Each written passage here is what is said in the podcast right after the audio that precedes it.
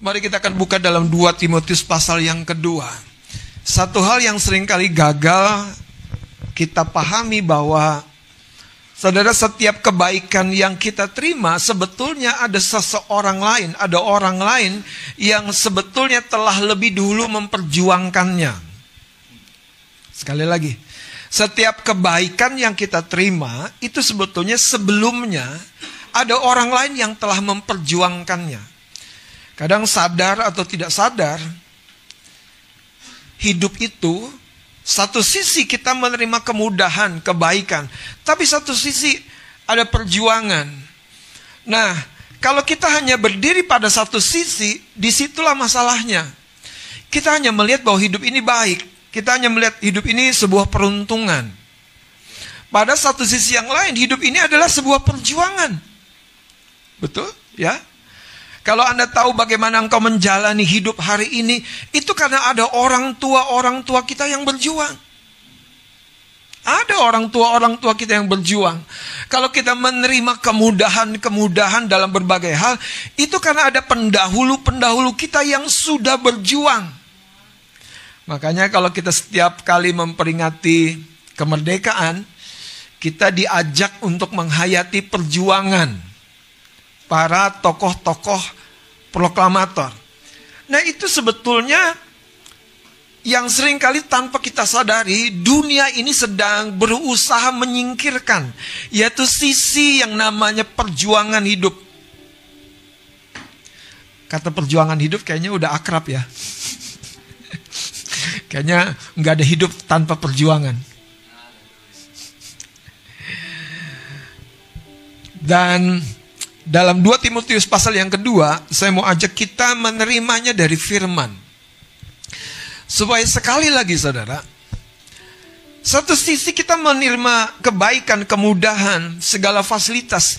Di satu sisi ada perjuangan yang kadang kita tidak ketahui. Nah, kuatkan Bapak Ibu, engkau orang tua, orang tua secara khusus, kita harus tahu perjuanganmu berharga dan sangat bernilai bagi anak-anakmu. Amin. Bapak-bapak, perjuanganmu lebih dan lebih lagi akan dinikmati sebagai blessing turun temurun. Orang tua orang tua ketaatanmu akan menjadi sebuah aliran sungai rahmat dan berkat Tuhan yang akan dinikmati oleh anak-anak keturunanmu, cucumu. Itu sebabnya kita harus tahu bahwa itulah Tuhan. Ada perjuangan di sisi lainnya ada kemudahan, ada berkat. Ketika engkau memasuki dengan sebuah kacamata yang benar, maka di situlah saudara, hidup kita akan lengkap. Kita tidak akan mundur ketika kita mengalami kerasnya pertarungan hidup. Tidak akan menyerah, tidak akan putus asa. Kita juga tidak akan tergelincir ketika kita menerima kemudahan. Lihat 2 Timotius pasal yang kedua. Ayat yang pertama saya akan baca panggilan untuk ikut menderita. Inilah tema firman Tuhan pagi hari ini. Panggilan untuk menderita. Ada sebuah calling dari Tuhan. Untuk mengambil bagian. Untuk menderita. Dan ini panggilan. Jadi apa? Tergantung bagaimana engkau dan saya menjawabnya. Mari kita lihat ayat pertama. Sebab itu hai anakku. Ini kan tulisan Rasul Paulus kepada Timotius anak rohaninya. Jadilah kuat oleh kasih karunia dalam Kristus Yesus. Di ayat pertama ini mengandung pesan yang dalam. Saya sekilas diingatkan Tuhan. Ketika Rasul Paulus sebagai bapak rohaninya menulis kalimat ini, dia berada di sebuah tempat yang berbeda. Dia ada di dalam penjara. Bukan penjara jiwa. penjara sungguhan. Dipasung, saudara. Dia di dalam penjara. Tapi di dalam penjara pun dia tetap berjuang memelihara kehidupan jemaat dengan menuliskan surat-surat yang berisi apa? Peringatan, tuntunan, kekuatan. Bahkan dia pun terus berjuang memotivasi menguatkan muridnya. Haleluya. Haleluya. Itu sebabnya saudara saya menguatkan engkau dan saya juga. Di mana dan bagaimanapun keadaannya engkau tetap punya porsi perjuangan untuk orang lain hidupmu berharga dan bernilai. Nah, dikatakan begini, "Hai anakku, jadilah kuat oleh kasih karunia dalam Kristus Yesus." Kalau boleh saya tanya, ibu-ibu, kalau uang belanjamu habis, ngomongnya ke siapa? Suami. suami, suami. Kalau setoranmu kurang, ngomongnya ke siapa?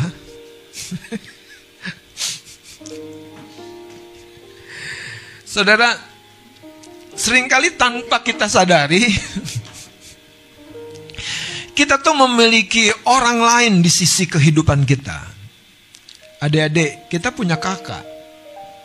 Kakak-kakak punya kakak yang lain.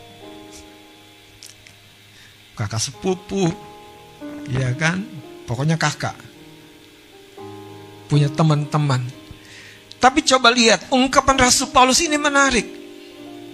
Kita kuat kalau ada orang lain menopang, menguatkan, menyemangati kita.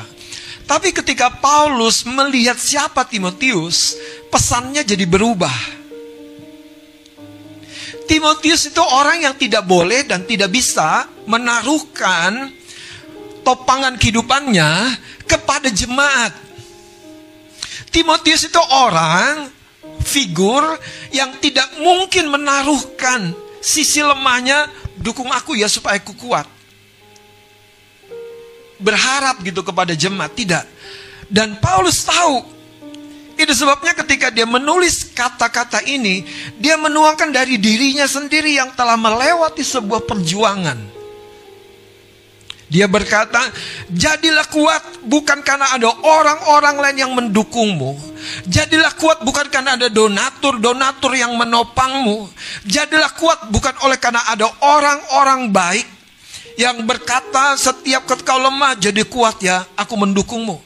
Tapi Paulus dengan tegas berkata, "Jadilah kuat oleh kasih karunia di dalam Kristus Yesus." Ini sebuah pesan yang merupakan dari inti kekristenan. Bahwa engkau dan saya kuat menjadi kuat. Itu sesungguhnya bukan karena ada orang lain semata-mata di sekelilingmu tapi ada kasih karunia ada penyediaan berkat ekstra. Kalau kasih karunia itu artinya gini saudara berkat yang diberikan kepadamu bukan karena engkau layak menerimanya Gaji yang diberikan bukan karena engkau telah bekerja.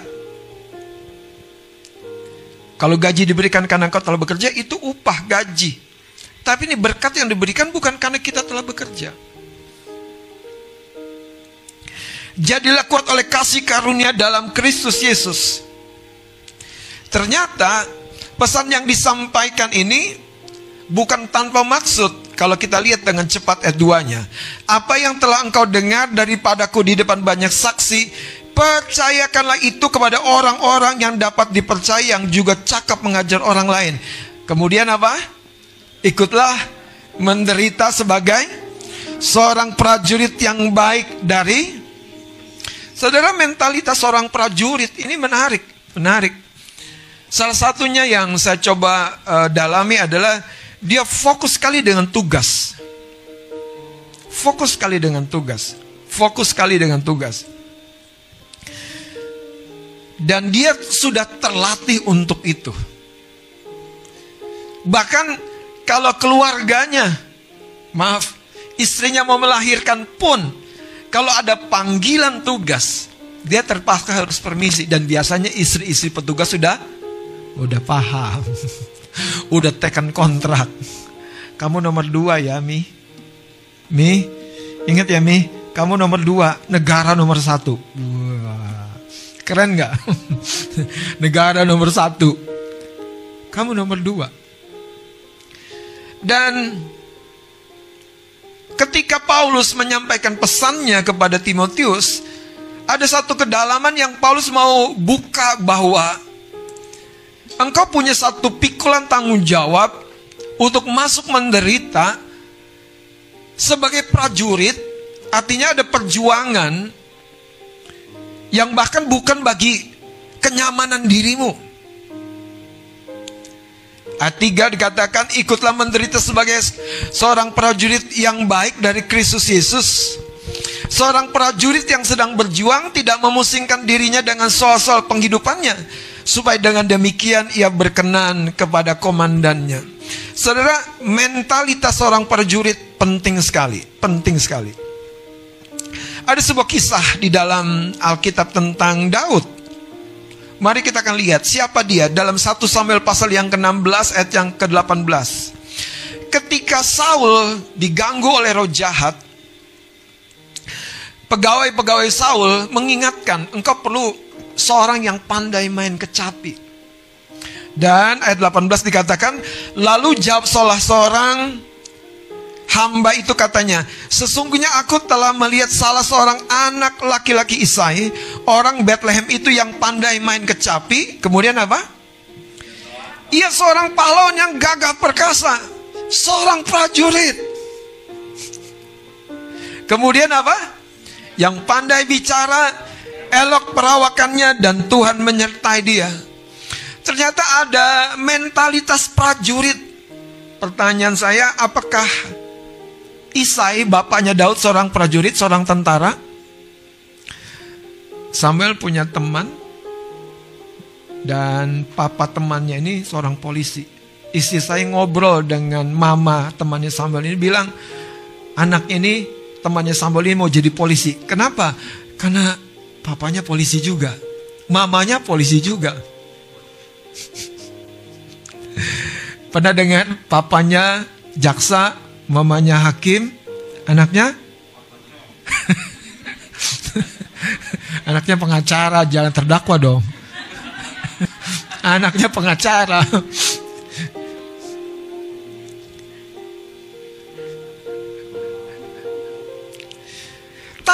Siapa Daud?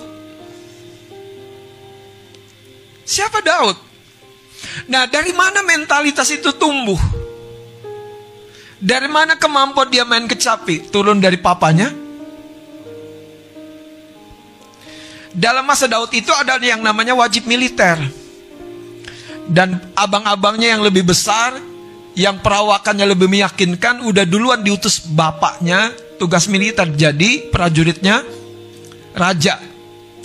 Tapi dalam cerita itu ada satu yang tidak tidak terlihat bagaimana Daud bisa tumbuh jadi seorang pahlawan, jadi seorang prajurit yang kalau bicara begitu confidence.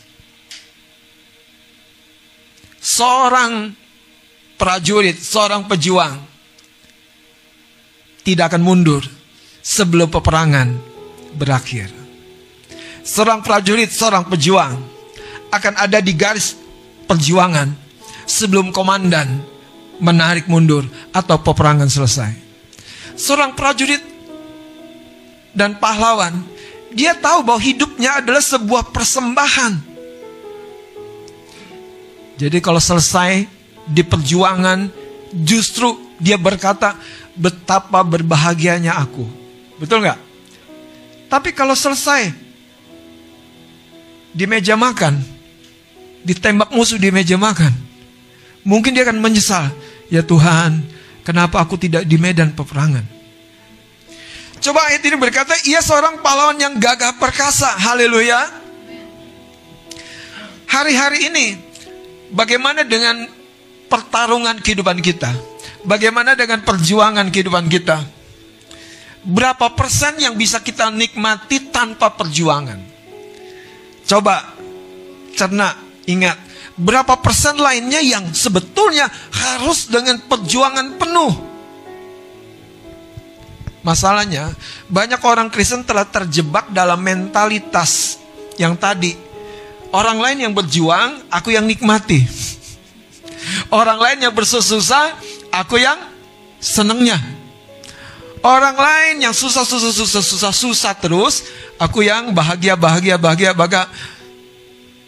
Pertanyaannya saudara, inikah yang Tuhan mau? Justru Tuhan memanggil kita untuk ikut dalam perjuangan. Ikut menderita. Ikut, saudara. Apa yang penulis kitab Ibrani sampaikan. Coba, saudara. Ibrani pasal yang ke-12. Hari ini terlalu banyak saudara berkat Tuhan, penyediaan Tuhan yang sepertinya telah kita ketahui dari janji dan firman-Nya, tapi belum berwujud sampai engkau berani memperjuangkannya. Sampai kita berani memperjuangkannya. Sampai kita berani memasuki tadi garis peperangannya. Ayat yang pertama Ibrani pasal yang ke-12. Boleh seseorang salah seorang bantu baca? Silakan Bang Adit. Ibrani 12 ayat yang pertama. Ya. Nasihat supaya bertekun dalam iman. Karena kita mempunyai banyak saksi, bagaikan awan yang mengelilingi kita, marilah kita menanggalkan semua beban dan dosa yang begitu merintangi kita. Ya dan berlomba dengan tekun dalam perlombaan yang diwajibkan bagi kita. Perlombaan kita belum selesai. Ya. Mari kita terus bertekun. Mari kita terus bertekun. Mari terus lakukan bagianmu. Belum berhasil hari ini, hari esok berhasil. Belum berhasil minggu ini, minggu depan kita bisa berhasil. Nah itulah mentalitas seorang prajurit yang berani menderita ayat 2-nya. Marilah kita melakukannya dengan mata yang tertuju kepada Yesus ya. yang memimpin kita dalam iman dan yang membawa iman kita itu kepada kesempurnaan. Bagaimana Yesus membawa iman itu kepada kesempurnaan?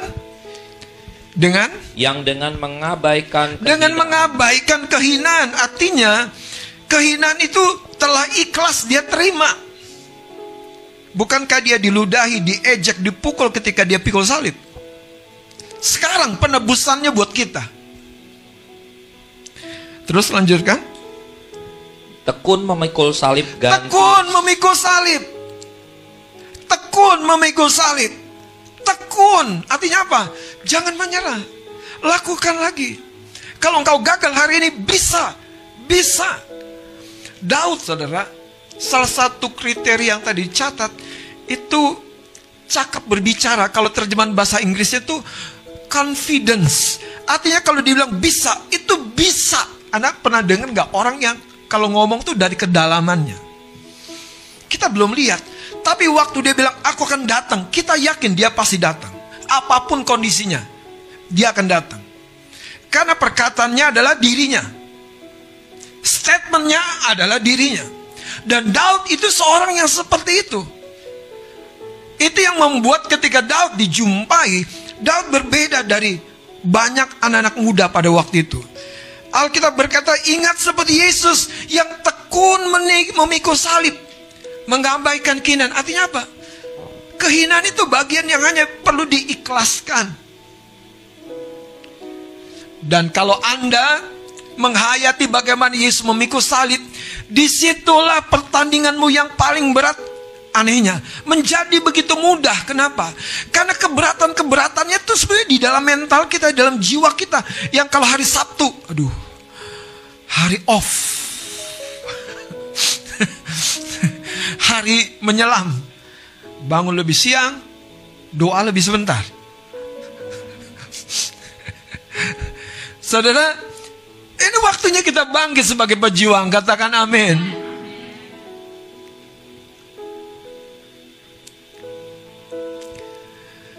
Kalau masa mudamu engkau punya perjuangan, masa dewasa, masa tuamu engkau penuh kemuliaan. Kalau masa mudamu engkau terlena dengan begitu banyaknya kemudahan, masa dewasamu, masa tuamu engkau penuh penurunan, kehinaan. Kenapa? Mentalitasnya saudara. Fisik ini boleh tua kata Rasul Paulus, tapi yang di dalamku dibaharui dari sehari ke sehari.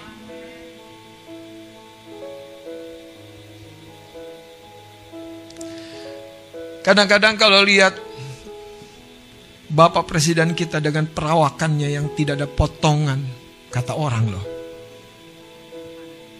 Iya, tidak diperhitungkan. Tapi kalau dia berkata, kita bisa.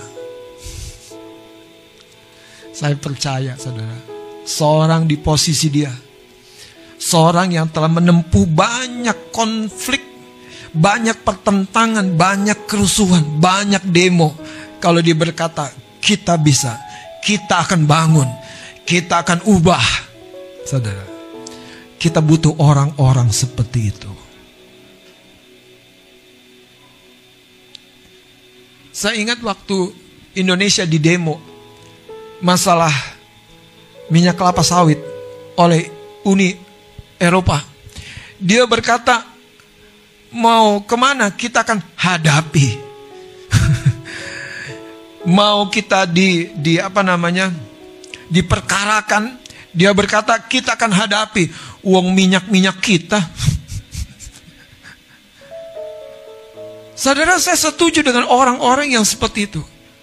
Karena dia tahu itu bagian yang perlu perjuangan. Hari ini anak-anak muda, saya memanggil engkau untuk memasuki pertandingan imanmu dengan ikut menderita. Kalau engkau biasa susah pada masa mudamu, masa dewasa dan tuamu, engkau tough, engkau kuat, engkau seperti pilar yang susah sekali digoyahkan. Masa susah yang membuat apa? Akar itu bertumbuh ke dalam. Masa susah yang membuat engkau menangis dan mencari Tuhan dan mendapati Tuhan setia. Masa susah yang membuat Daud melewati padang gurun itu dengan pengharapan hanya kepada Tuhan. Ketika tentara-tentara pendukung yang lain sudah tidak ada di pihaknya. Masa susah itu yang membuat Daud bangkit ketika dia rasanya tidak ada kekuatan lagi untuk bangkit. Aku akan menyerah. Tapi bangkit lagi. Kenapa? Karena dia ingat. Aku hidup bukan hanya untuk diriku. Aku ini seorang pejuang. Aku ini seorang pahlawan. Itu yang membuat Daud ketika satu kali dia diizinkan oleh Tuhan. Dalam kebodohannya dia memikul tabut Tuhan dengan cara yang salah. Yaitu membawa gerobak. Sampai Tuhan murka Daud marah, Daud kecewa, tapi dia bangkit lagi. Inilah mentalitas yang Tuhan mau taruh dalam hidup kita. Kegagalan yang kemarin, engkau bisa bayar, saudara. Engkau bisa alami sukses hari ini. Masalahnya siapa engkau? Apakah engkau seorang yang apa kata lain pengecut? Pecundak. Apakah engkau orang yang selalu berkata, aku udah gagal, aku udah nggak bisa, aku udah kalah. Saudara kerugianmu hari yang lalu Tuhan mampu tadi dengan kasih karunia-Nya menyediakan lagi peluang untuk hidupmu. Tergantung engkau. Kalau engkau menyandarkan kekuatanmu kepada keilmuanmu, kepada pengalamanmu, kepada titelmu, kepada referensi orang-orang sekelilingmu, engkau akan mudah sekali digoyahkan. Tapi kalau engkau bersandar menjadi kuat karena kasih karunia Tuhan, engkau tidak akan tergoyahkan. Saudara, ingat, satu kali Paulus berkata kepada Tuhan, Tuhan, aku telah berteriak kepada utusan iblis yaitu duri dalam daging, satu sakit penyakit dalam tubuhku. Tiga kali demi namamu. Tapi setan itu yang membawa sakit penyakit tidak keluar. Ternyata Tuhan menjawab gini. Cukuplah kasih karuniaku. Karena ketika engkau menjadi lemah, kuasaku menjadi nyata sempurna. Jemaat yang dikasih oleh Tuhan, satu sisi kemudahan, satu sisi kelemahan, satu sisi perjuangan, satu sisi kekuatan. Tidak pernah ada yang orang menjadi kuat tanpa perjuangan. Sadar kalau melatih anak-anak kita bangun pagi, yang harus kau kuat adalah kesabaran.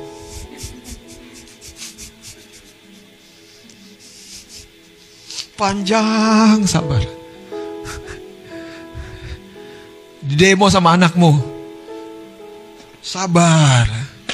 Tapi satu ketika ketika engkau lihat anakmu bangun on time, bangun belum waktunya dan dia tahu apa yang dia harus lakukan engkau bersyukur. Makanya saudara Alkitab itu jelas Kalau Tuhan sedang mendidikmu Mengizinkan beban pikulanmu berat Ingat engkau akan menuai, engkau akan menuai, engkau akan menuai, engkau akan menikmati. Perjuangan akan menuai kemuliaan. Tidak ada perjuangan, tidak ada kesesakan, tidak ada kesusahan, tidak ada kemuliaan. Coba lihat ini saudara. Dia mengabaikan keinginan tikul tekun memikul salib ganti sukacita yang disediakan bagi dia yang sekarang duduk, yang sekarang duduk di sebelah kanan tahta Allah. Kenapa dia dinaikkan begitu tinggi yaitu Yesus Kristus?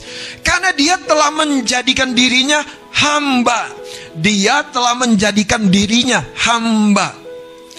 Siapa yang meminta Yesus jadi hamba? Itu adalah kehendak Bapaknya. Dan dia taat dia tunduk. Bukan murid-muridnya. Bukan engkau dan saya. Dia jadi hamba karena kasihnya. Nah ayat tiganya lanjutkan Mas Adit. Ini pesannya ayat 3 dan 4. Ingatlah selalu akan dia yang tekun menanggung bantahan yang sehebat itu terhadap dirinya. Ya, tekun, tekun, lagi, lagi dan tekun, tekun. Lanjut. Dari pihak orang-orang berdosa hmm. supaya jangan kamu menjadi lemah. Jangan menjadi asa. lemah, jangan menjadi putus asa. Perjuangan masih on fire, saudara. Perjuangan masih, masih seru. Jangan tarik dirimu. Jangan mengundurkan diri sebelum waktunya. Anda lihat ayat pertamanya, karena kita ini mempunyai banyak saksi. Siapa saksi yang dimaksud? Pahlawan iman yang telah berjuang, telah berjuang, telah berjuang dan mereka menang. Makanya kita dikelilingi oleh saksi. Nah, tadi dikatakan supaya kamu jangan menjadi lemah dan putus asa. Dalam pergumulan kamu melawan dosa, kamu belum sampai mencucukkan darah. Kalau kalimat berikutnya itu yang tadi saya ceritakan, ingat kalau kita didisiplin, kita diajari tekun, kita diajari berjuang, itu satu sisi saja satu sisi yang lain kita akan menuai segala kebaikannya, kemurahannya. Katakan amin. Amin. Ada seorang kakek yang satu kali mengajar kepada cucunya. Tahukah engkau, cucuku, bahwa di dalam diri kita ada dua serigala. Yang pertama namanya kebaikan. Itu menggambarkan kesetiaan, ketulusan, dedikasi, perjuangan, motivasi Segala yang lain namanya kejahatan. Itu menggambarkan rasa takut, rasa kosong, sendiri, kecewa, patah hati. Dan dua serigala ini ada pada setiap manusia di muka bumi ini dalam pertandingan kehidupannya. Si cucu bertanya, siapa yang menang kek? Anda tahu? Si kakek ini menjawab, yang menang adalah yang mana yang kau selalu beri makan? Kalau kau memberi makan kepada serigala yang namanya kejahatan, dia akan tumbuh, dia akan kuat, dia akan mengalahkan kebaikan-kebaikan di dalam dirimu. Tapi kalau kau memberi makan kepada serigala yang namanya kebaikan, dia akan menjadi kuat, dia akan mampu menaklukkan kelemahan-kelemahanmu, kekalahan-kekalahanmu, rasa takutmu, rasa kecewamu dalam hidup kita, kita semua pernah punya rasa kalah, rasa gagal, rasa malu. Tapi kepada mana pikiran kita terus tertuju, sebetulnya kita sedang memberinya makan. Makanya lihat ayat ini, ingatlah. Anda perhatikan gak ayat tiganya? Tujukan kepada Yesus. Tujukan kepada dia yang sudah menang. Kemenangannya memberikan jaminan kepada engkau dan saya. Ayat tiganya berkata, ingatlah selalu akan dia. Ingatlah selalu akan dia. Ingatlah selalu akan dia. Haleluya. Amin. Saudara, banyak orang tidak tahu bahwa masa depan itu dipersiapkan oleh penderitaan-penderitaan sekarang. Bukan oleh kemudahan-kemudahan sekarang. Colek kanan kirinya, bersedia menderita enggak?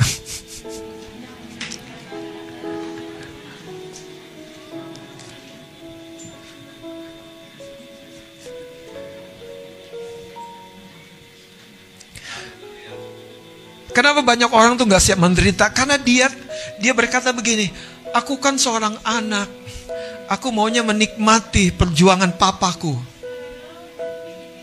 Sebetulnya itu kanak-kanak bukan anak.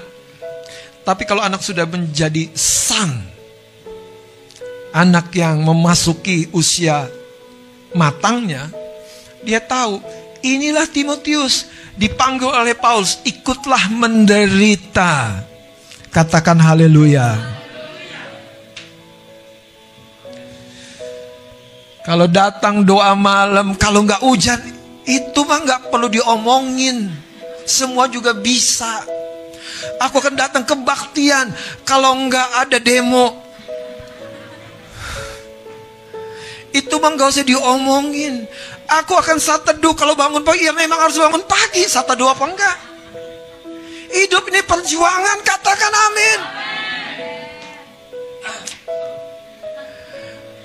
Saya suka ceritakan cerita tokoh yang saya saya saya kagumi sekali, yang namanya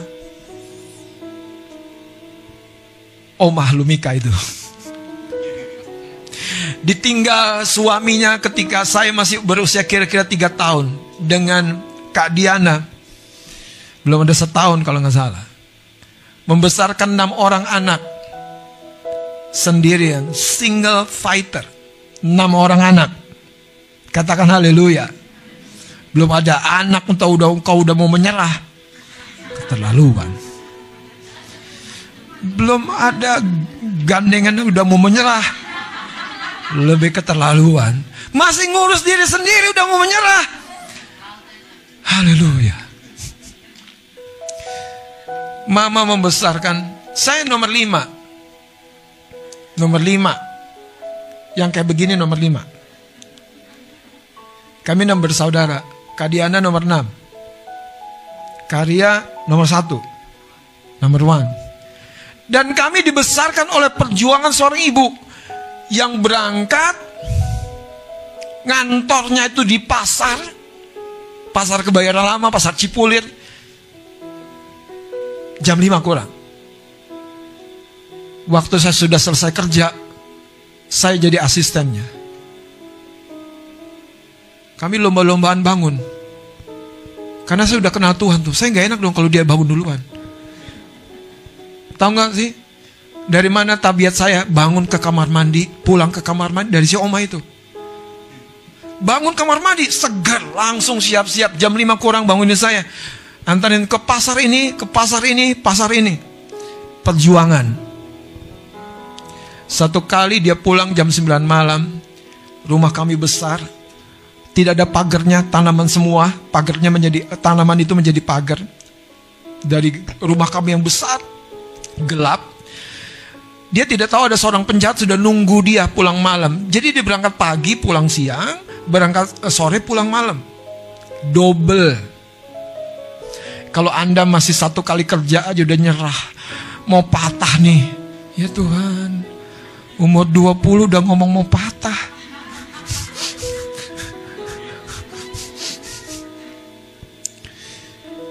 Ternyata ada seorang penjahat nunggu pakai pisau, saudara. Si Oma ditangkap tasnya, dia tangkap pisaunya. Dia bergulat dengan penjahat itu. Yang dia dapat pisaunya, penjahat dapat tasnya dan betul-betul berjuang, saudara. Saya kalau dengar cerita itu ya, Oma, aku bersyukur aku jadi anak yang dengar ceritamu. Aku dengar bagaimana engkau memperjuangkan hidupku. Bangun pagi nggak ada di gedor-gedor, nggak ada. Kadang dia malah gedor pintu anak-anaknya. Dia bangun bukan kalau Udah ada yang gedor. Enggak, dia bangun justru. Karena dia tahu panggilannya. Berapa banyak engkau hari ini tahu panggilanmu? Engkau dipanggil bukan untuk jadi seorang yang menikmati kemudahan, menikmati kemudahan. Sisi yang lainnya adalah perjuangan. Sisi yang lainnya ada kemudahan. Berkat, sukacita. Jangan maunya ngopi-ngopi terus, nongki-nongki terus. Tapi lupa berjuangnya, saudara. Dia bercerita satu ketika dia mengunjungi kliennya, seorang tukang toge. Dia datang ke tempat abang-abang itu membuat kacang hijau jadi toge. Dia mau apa namanya? menyelesaikan transaksi. si abang tukang toge itu mungkin lagi panas nggak punya uang. Si oma datang, celurit yang dikeluarin. Si oma cerita begini, bilang sama saya loh. Oma nggak takut tuh, mama nggak takut tuh. Udah biasa sih. Udah biasa. Saya dengar itu saudara, jadi tobat sendiri. Udah terlalu santai saya. Ada sebuah cerita yang saya baca. Ada soal ada di sebuah desa. Sebuah karnaval. Ada orang kuat yang memukul sesuatu palu dan skala kekuatannya diukur begitu tinggi. Orang coba ngangkat palunya dulu nggak bisa. Dan ujian terakhir tantangannya hadiahnya besar. Yaitu apa? Dia ngambil jeruk yang sudah diperas begitu rupa sampai tidak ada sisa lagi airnya. Dia bilang, barang siapa bisa perus jeruk yang sudah saya peras ini dan keluarkan satu tetes air saja, hadiah uang yang besar ini bagi engkau. Anak-anak muda yang berotot, rambut cepak, tangan digulung, naik ke panggung, nggak keluar. Wajah berkerut. Udah setengah mati peras jeruk yang udah diperas sama si orang kuat itu. Nggak ada satu tetes. Nggak ada yang bisa. Ada seorang ibu tua berkata, izinkan saya mencoba. Dia naik ke atas panggung, semua orang tertawa. Ibu tua ini sudah begitu rentak, kurus. Tapi izinkan saya mencoba. Orang-orang tertawa. Nek, ingat umur, Nek. Wow. Tapi kalau orang udah biasa lewati tadi tuh kesusahan. Bulian tuh biasa aja. Orang memandang rendah tuh udah biasa. Makanya Daud itu jadi confidence. Itu bukan sekedar tiba-tiba dia jadi confident. Gimana menikam beruang. Itu yang membuat dia jadi confident. Menikam harimau. Gimana dia tidak jadi confident. Kalau engkau tidak menyelesaikan perjuangan-perjuangan kecilmu, bagaimana engkau jadi tough, jadi tangguh. Enggak, enggak mungkin saudara. Kalau engkau berhasil saudara menikam musuh-musuhmu seperti Daud menikam beruang, mengalahkan musuhmu yang namanya keletihan, penat, ngantuk, nggak bisa. Ibu ini naik ke panggung, dia ambil jeruk yang sudah tidak keluarkan itu. Orang semua mata orang tertuju kepada dia, dia peras saudara. Semua dak dikduk dong. Karena dia tampil ketika tidak ada satu orang pun bisa membuktikan bahwa masih tersisa satu tetes. Dia peres, dia peres, dia peres, dia keluarkan segenap bukan hanya tenaga, keyakinannya. Dia peres sampai tiba-tiba tes keluar, jatuh di lantai. Semua orang yang terdiam bersorak-sorai, bersorak-sorai, bersorak-sorai. Ada seorang wartawan bertanya dan mewawancari ibu ini, nenek-nenek ini yang tua. Bu, gimana ibu tahu masih ada masih ada airnya di dalam jeruk yang sudah sudah kering itu? Dia bilang begini. Kalau untuk memperjuangkan anak-anakku di masa sukar, aku bisa. Aku bisa, aku mampu. Apalagi hanya mengeluarkan satu tetes air dari jeruk yang sepertinya kering ini aku bisa. Saudara kekuatan yang sejatinya itu justru sebetulnya bukan di fisik, tapi di keyakinan. Itu yang ditanam oleh Paulus kepada Timotius. Kuatlah oleh kasih karunia. Kuatlah oleh kasih karunia. Kuat.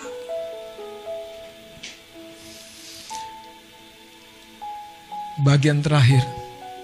Opung kami, Opung Mangunsong satu ketika cerita ini papanya omah saya.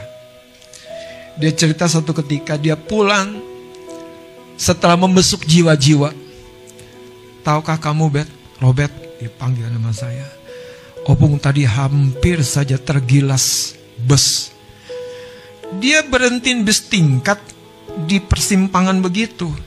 Karena banyak orang berebut, dia pengen duluan. Opung-opung. Udah lansia 80-an loh. 80-an. Dia tangkap mo tiangnya pintu mobil bis tingkat itu. Ketangkep. Tapi busnya nggak berhenti. Dia terseret. Kakinya belum pijakin pijak pintu masuk itu. Dia terseret sampai berhenti. Ketika dia pulang, dia cerita sama saya, jangan ceritakan sama yang lainnya.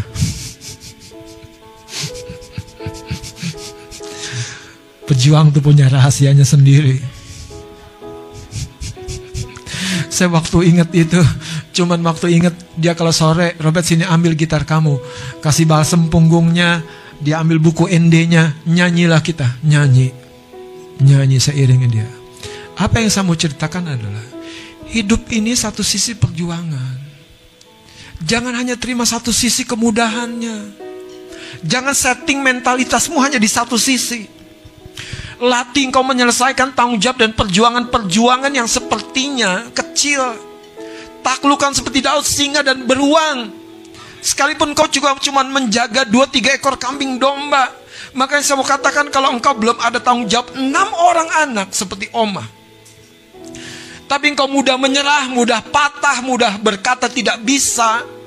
Ini waktunya engkau berkata aku bisa karena kasih karunia Tuhan. Mari kita bangkit berdiri.